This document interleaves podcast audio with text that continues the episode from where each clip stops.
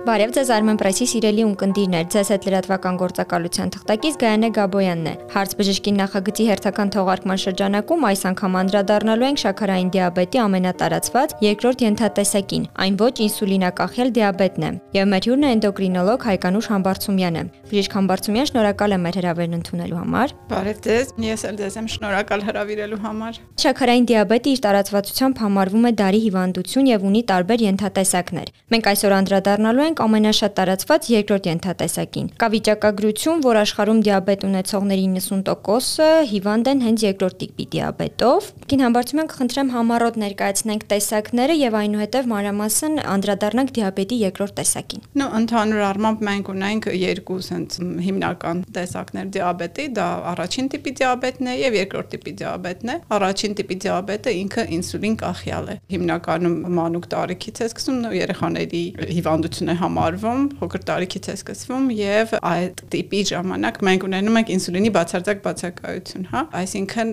մեր օրգանիզմը արտադրում է ինսուլին, որը օգնում է որ յուրացնի շաքարը։ Իսկ առաջին տիպի դիաբետի ժամանակ այդ ինսուլինի քանակը լինում է 0, չի արտադրում բացարձակ մեր օրգանիզմը ինսուլին եւ այս դեպքում պացիենտները պարտադիր պետք է ստանան փոխարինող թերապիա, այսինքն ստանում են ինսուլին։ Ներարկվում է ինսուլինը ամեն օր տարբեր սխեմաներով ըստ ցուցումների երկրորդ տիպի դիաբետը ինքը ավելի մեծահասակների այսպես կոչված դիաբետ է համարվում։ Այս դեպքում օրգանիզմում ինսուլինի քանակը նորմալ է լինում կամ ինչ որտեղ անգամ բարձր է լինում, բայց ինչ-ինչ պատճառներով զգայունությունը ինսուլինի նկատմամբ լինում է շատ ցածր եւ ելի բարձրանում է շաքարը։ Դա արդեն կախված է թե տարիքային փոփոխություններից, թե քաշի հետ կապված փոփոխություններից, թե գենետիկական նախատրամադրվածությունից, կան այդպես բազմաթիվ ֆակտոր ֆակտորներ, որոնք կարող են բերել երկրորդ տիպի դիաբետի զարգացման։ Հնարավոր է ինչ որ կանխարգելիչ միջոցներ անել, այսինքն առօրյան մտցնել վարքականոն, այսպես ասած, որով կանխենք երկրորդ տիպի շաքարային դիաբետ ունենալու ռիսկերը։ Շատ ճիշտ հարց է եւ սովորաբար ես միշտ ասում եմ, որ պետք է փորձել կանխարգելել հիվանդությունը, ոչ թե սпасել, որ զարգանա եւ մենք բուժենք հիվանդությունը։ Ինչ գիտելիք մենք պետք է ունենանք այսօր երկրորդ տիպի դիաբետի հետ կապված։ Եթե կան կան ընտանիքում մայրիկ, հայրիկ, տատիկ, պապիկ, ովքեր ունեն արդեն երկրորդ տիպի դիաբետ, միշտ պետք է գիտակցել, որ հետագա սերունդն էլ կարող է ունենալ դիաբետ, որովհետև այդ նախատրամադրվածությունը դեպի երկրորդ տիպի դիաբետի առաջացմանը փոխանցվում է մեր մեր ծնողներից, մեր տատիկ, պապիկներից։ Եվ կա այսպիսի ստատիստիկ տվյալ, եթե ծնողներից մեկն է ունենում շաքարային դիաբետ, կա 50% հավանականություն, որ երեխաներն էլ կունենան շաքարային դիաբետ արդեն մեծ տարիքում։ Եթե երկուսն են ունենում, համարյա 80% հավանականությամբ նաև երեխաներն են ունենալու մեծ տարիքում շաքարային դիաբետ երկրորդ տիպի մասին է խոսքը գնում։ Եվ այս գիտելիքը ունենալով մենք կարող ենք կանխարգելել հետագայում հա դիաբետի զարգացումը։ Քայլ առաջին մենք պետք է վերահսկենք մեր քաշը։ Ինչքան քաշը ավել է լինում, ինչքան դեպի ավել քաշ, դեպի ճարպակալում է գնում, հա, մեր քաշը, այնքան մեծանում է երկրորդ տիպի դիաբետի զարգանալու հավանականությունը դա շատ կարևոր փաստ է, դա պետք է գիտակցել եւ անել ամեն ինչ, որպեսզի մենք միշտ ունենանք նորմալ սանդղակակ հաշային։ Եվ այս բարագայում նաեւ շատ կարևոր է մեր սնունդը, թե ինչ ենք մենք օգտագործում։ Պետք է հասկանալ, որ արդեն սկսած ինչ որ տարիքից մեր օրգանիզմը չի կարողանում յուրացնել այն մեծականակ շաքարի քանակը, որը մենք անընդհատ օգտագործում ենք, ճարպերի քանակը եւ առհասարակ մեծականակ սնունդը, որ մենք անընդհատ տալիս ենք։ Մենք պետք է սովորենք, սովորաբար ես ասում եմ 40-ից հետո հետո, բայց եթե կա հակում դեպի ավել քաշ ճարպակալում, ուրեմն ավելի վաղ հասակից պետք է սովորենք որոշ սահմանափակումներ մտնել մեր առօրյա սննդակարգի մեջ։ Իսկ կարող եք նշել որոշակի մթերքներ կամ ված սովորություններ, որոնք որ պետք է արդեն այդ իրականում պետք է միշտ հետևել, բայց արդեն իսկ այդ տարիքից սկսած պետք է բացառել։ Իրականում ամենաառաջինը, որ պետք է մենք գիտակցենք, դա քաղցր ըմպելիքների օգտագործումն է։ Մեր հասարակությունը սովոր է ծարավեմ խմեցի հյութ ծարավեմ խմեցի կոմպոտ։ չգիտեմ, բնական հյութ խմեցի, որը վաճառվում է մեր սուպերմարկետներում եւ իրականում որը հարուստ է ոչ գլյուկոզա, բայց գլյուկոզայի փոխարինիչներով, հա։ Եվ այս դեպքում ոչ մի բան չի փոխվում։ Ամենաառաջինը քայլը, որ պետք է մենք անենք, այդ բացառենք բոլոր շաքար, քաղցր պարունակող հյութերը։ Կլինի գազավորված, կլինի ոչ գազավորված, կլինի կոմպոտ, որը մեր տատիկն է սարքել, կլինի հյութ, որը մենք ենք սարքել, բայց ինքը էլի, չգիտեմ, 4-5 խնձորի հյութ է, որը էլի քաղցր է։ Միևնույնն է դա կարող է բերել առհասարակ եթե մենք ունենք հակում, ունենք, չգիտեմ, ժառանգական որևէ նախատրամադրվածություն, հաստատ կբերի խնդիրների։ Եվ առաջին քայլը, որ պետք է անենք, դա հենց քաղցրըմպելիքների հետ կապված, որ պետք է իսպար հանել մեր ռացիոնից։ Հատկապես դա վերաբերվում է երեխաներին, դեռահասներին, ովքեր ունեն էլի հակում ավել քաշի եւ մայրիկները ամեն ինչ անում են, իրենք փորձում են սահմանափակել, բայց առաջին քայլը որ պետք է անել, այդ բացառել քաղցր ըմպելիքները։ Երբեմն դա էլ է լինում բավական, որպեսզի կարողանան վերահսկեն քաշը։ Իսկ այսպեսի մի հարց, հնարավոր է երկրորդ տիպի դիաբետը բուժել եւ նորից անցնել, նո, սովորական առօրյային, իսկ որոշակի դիետաներ պահել, իջեցնել, հասցնել նորմայի եւ նորից անցնել սովորական առօրյա կյանքին եւ փորձել դիետայից մի փոքր շեղվել արդեն։ Միանշանակ հնարավոր է բուժել երկրորդ տիպի դիաբետը, հատկապես այսօր, երբ որ շատ երիտասարդացել է դիաբետը հենց քաշի հետ կապված, անգամ դեռահասների, պատանիների մոտ է հիմա գրանցվում երկրորդ տիպի դիաբետ, որը չի եղել, ասենք մի 15-20 տարի առաջ այդքան երիտասարդ դեպքեր մենք չենք ունեցել։ Հա երկրորդ տիպի դիաբետը վերաբերվում էր 40 անց անձանց։ Իսկ հիմա աշխարհով մեկ այնքան երիտասարդացել է, որ քաշի հետ կապված ավել քաշ ճարպակալումը բերում է իր հետ երկրորդ տիպի դիաբետ, որը շատ բնորոշ է նաև դեռահասության տարիքի պատանիներին, նո չեմ ասում շատ-շատ տարածված է, բայց արդեն տենդենց կա, որ անգամ այդ տարիքային խումբն էլ է սկսում տարապել այդ հիվանդությունից։ Եվ եթե մենք անում ենք ճիշտ գործողություններ, ճիշտ սննդակարգ ենք ընտրում, ճիշտ ջրային ռեժիմ եւ հետեւում ենք քաշին, այս դեպքում մենք կարող ենք ասել, որ այո, կարող ենք հասնել այն վիճակի, որ երկրորդ տիպի դիաբետը համարվում է բուժված, բայց քաղցրի հետ կապված եւ գեր սնվելու հետ կապված մենք չենք կարող փոխել մեր սննդակարգը։ Պետք է միշտ գիտակցել, որ ասել եմ քաղցր ըմպելիքները իսպար պետք է բացակայեն մեր առօրյայից եւ քաղցր հասկացողությունը պետք է ընտրել ճիշտ մթերքներ եւ ամենակարևորը այսօրվա մեր օգտագործման մթերքներից, որ իրենք շատ տրանս ճարպեր են, հա, կոչվում, սխալ մշակված վատ ճարպերով մշակված կամ հարուստ սնունդն է, որը նույնպես բերում է նյութափոխանակության խանգարման եւ քաշի ավելացման եւ դիաբետի զարգացման։ Այսինքն այն բոլոր շատ մշակված մթերքներ են, որոնք այսօր առօրյայում շատ տարածված են։ Նույն բուրգերները, նույն ֆրին, ու եւ այլն։ Շատ լավ, Բժիշկ Համբարձումյան, անդրադառնանք մեր հետևորդների մի քանի հարցերին, ովքեր իրենց հուզող հարցերն են ուղղել։ Հարցը այսպեսին է՝ շաքարային դիաբետի երկրորդ ենթատեսակի դեպքում ինչ վիտամիններ կարող են օգտագործել հիվանդները իմունիտետի բարձրացման, առողջության ամրացման նպատակով։ Այսօր վիտամին D-ի մասին պետք է խոսել, որ առաջին տեղն է զբաղեցնում, եթե վիտամինների մասին ենք խոսում։ Երբ որ մենք բուժում ենք ավել քաշ ճարպակալում շաքարային դիաբետ երկրորդ տիպի, ինչի՞ չէ նաև առաջին տիպի, մենք միշտ ակցենտավորում ենք վիտամին D-ի քանակը օրգանիզմում։ Կան վերջերս շատ հետազոտություններ, ապացուցողական որոշ տվյալներ, որ անգամ վիտամին D-ի մի նիշի բարձրացումը բերում է զգայունության ավելի բարձրացման, այսինքն օրգանիզմը ավելի զգայուն է դառնում մեր եղած սովորական ինսուլինի եւ ավելի ճիշտ ձևով է ընթանում նյութափոխանակությունը։ Ես փորձում եմ ավելի པարզ լեզվով խոսել, որպեսզի մեր ըմկնդիրները հասկանան։ Դրա համար վիտամին D-ի կիրառումը շատ կարեւոր է։ Այսինքն, եթե մենք հասնում ենք բավարար նորմայի, այնտեղ կան չափանիշներ, որոնք նորմայի մեջ են հա նշվում, եւ եթե մենք հասնում ենք այդ բավարար նորմայի, մենք կարողանում ենք ավելի ճիշտ ձևով վերահսկել եւ դիաբետի ընթացքը եւ քաշի ընթացքը։ Մյուս վիտամինը, որը շատ հաճախ էլի լինում է պակաս, դա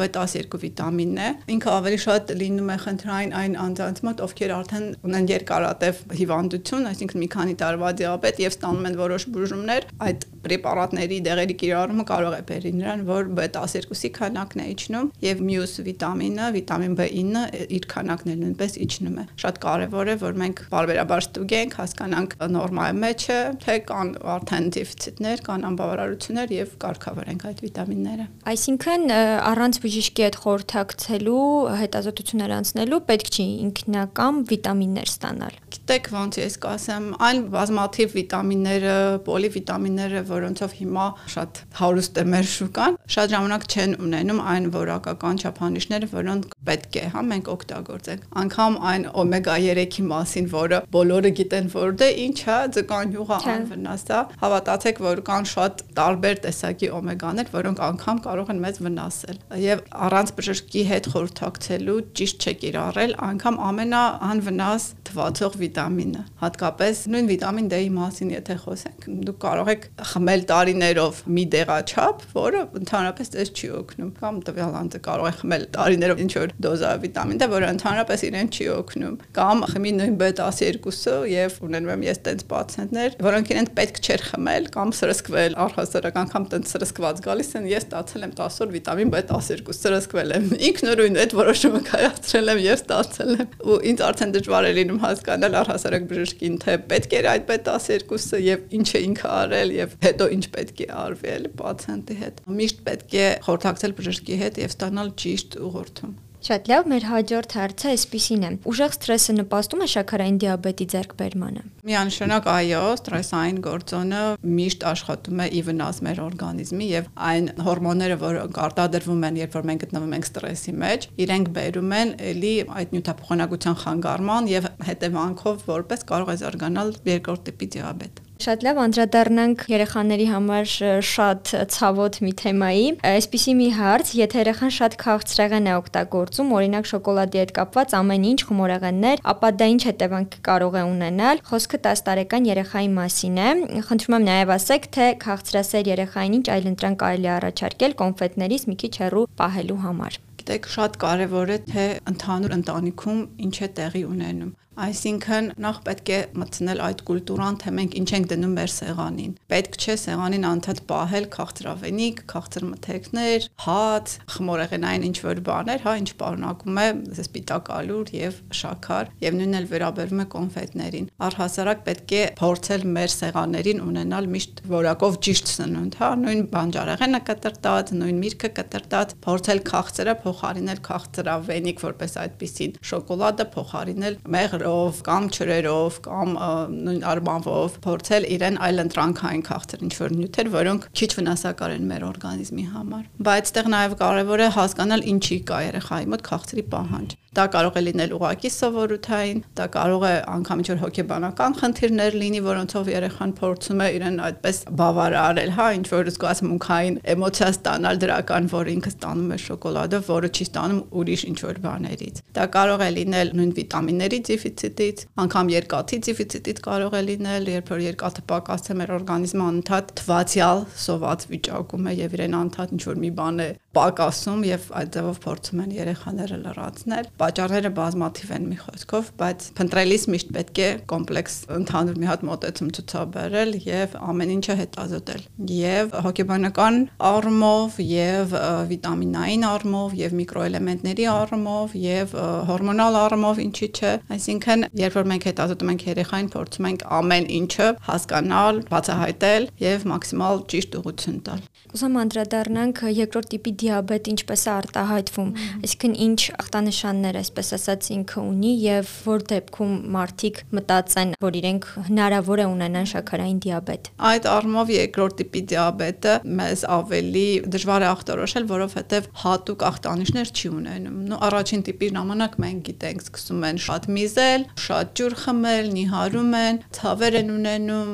այսինքն շատ ակնհայտ է լինում կլինիկական դրսևորումը, հա։ Երկրորդ տիպի ժամանակ կարող է տարիներով էլ պացիենտը ունենա դիաբետ, ունենա շաքարի բարձր թվեր, բայց չիմանա դրա մասին, ինչեւ ինչ որ պրոֆիլակտիկ հետազոտություն անցնի կամ ինչ որ մի հիվանդության պատճառով դիմի բժշկի ու ստուգեն շաքարը նույն հատնաբերեն, որ բարձր թվերի վրա է։ Անկամ այն պացիենտները, ովքեր գիտեն, որ իրենք ունեն դիաբետ, երբեմն չեն էլ խորանում, չեն հսկում ժամանակին եւ տենց բարձր թվերով երկար մնում են ու չեն դիմում, չեն կարգավորում։ Չկա հատուկ ինչ որ ախտանիշ, որը կարող է մեզ հուշել, որ այստեղ ունենք մենք երկրորդ տիպի դիաբետ։ Դա է պատճառը, որ պարտադիր պետք է ստուգվել բարբերաբար, ստուգել շաքարը արյան մեջ, հատկապես եթե կա ավելի քաշ, հատկապես եթե կա գենետիկական նախատրամադրվածություն, այսինքն ընտանիքում մայրիկ, հայրիկ, տատիկ, պապիկ, մոտիկ բարեկամները քույրեղբայր, եթե ունեն դիաբետ, պետք է անպայման հաճախակի ստուգվել։ Իսկ այն, այսպես ասած, խոսակցությունները, որ մշտապես կա շատ ջուր խմել եւ այդ շարքի մի քանի սովորություններ առաջին տիպի դիաբետին է դա վերաբերվում։ Դա վերաբերվում է հիմնականում առաջին տիպի դիաբետի,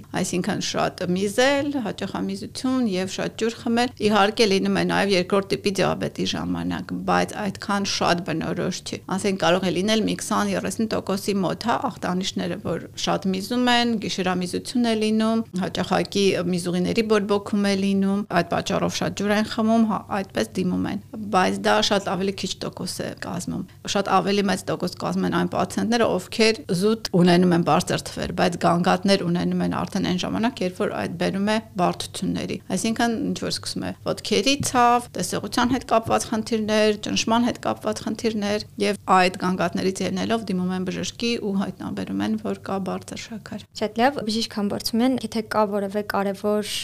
հարց, որ չանդրադարձանք, որ կուզեք անպայման մեր ընթերցողների նկատի ունենան, խնդրում եմ ավելացրեք։ Իրականում քանի որ երկրորդ տիպի շաքարային դիաբետը ինքը շատ սերտ կապ ունի քաշի հետ, ես ուզում եմ որ մեր գնդիրները հասկանան, որ քաշի վերահսկողությունը ամենակարևորն է մեզ համար, այսինքն սովորաբար ես ասում եմ 40-ից հետո մենք անկախ նրանից իրականում ունենք ավել քաշ, չունենք ավել քաշ, մենք պետք է ամեն ինչ անենք, որ չունենանք։ Եթե ունենք, պետք է ամեն ինչ անենք, որ չավելանա, փորձենք իջեցնել քաշը, հա, իսկ եթե չունենք, այդ շատ լավ է, բայց չի նշանակում, որ մենք պիտի շարունակենք ապրել, սնվել նույն ձև, ոնց որ եղել է մինչև այդ տարիքը, հա, եւ մաքսիմալ փոխել մեր առօրյան, մեր սննդակարգը, ճիշտ ձևով լրացնել մեր ջրային բալանսը, անպայման մտցնել մեր առօրյայի մեջ ֆիզիկական որևէ ակտիվություն, չգիտեմ, լող, վազք, ֆիթնես, որևէ մի բան, ուղակի քայլել։ Ու շատ կարևոր է քնի ռեժիմը, մենք պետք է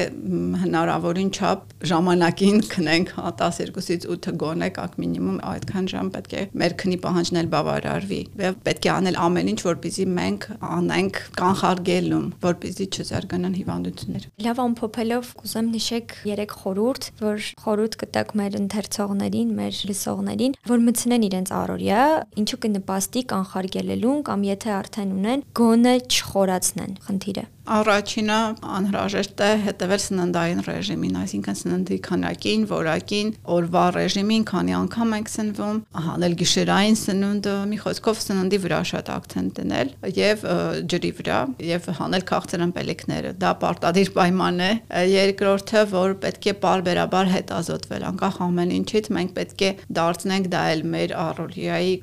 կուլտուրա, հա, հետազոտվելու։ Տարին 1 գոնե պրոֆիլակտիկ հետազոտություն պետք է անց անցնեն։ Ընդհանուր առմամբ կա պլանավորած տարիքային հետազոտման մոտեցումներ ու պետք է ձգտել հետևել այդ մոտեցումներին, հա։ Եվ երրորդը հնարավորին չափ լինել ֆիզիկապես ակտիվ, որովհետև ինչքան մենք լինում ենք ակտիվ, այնքան մենք տալիս ենք հնարավորություն այրել այդ մեր գերած ընդամթերքի մեջի եղած շաքարը եւ ճանենալ դիաբետ։ Բժիշկ Համբարձումյան, շնորհակալ եմ հետաքրքիր կարևոր ինֆորմացիայի համար։ Ես էլ ձեզ եմ շնորհակալ։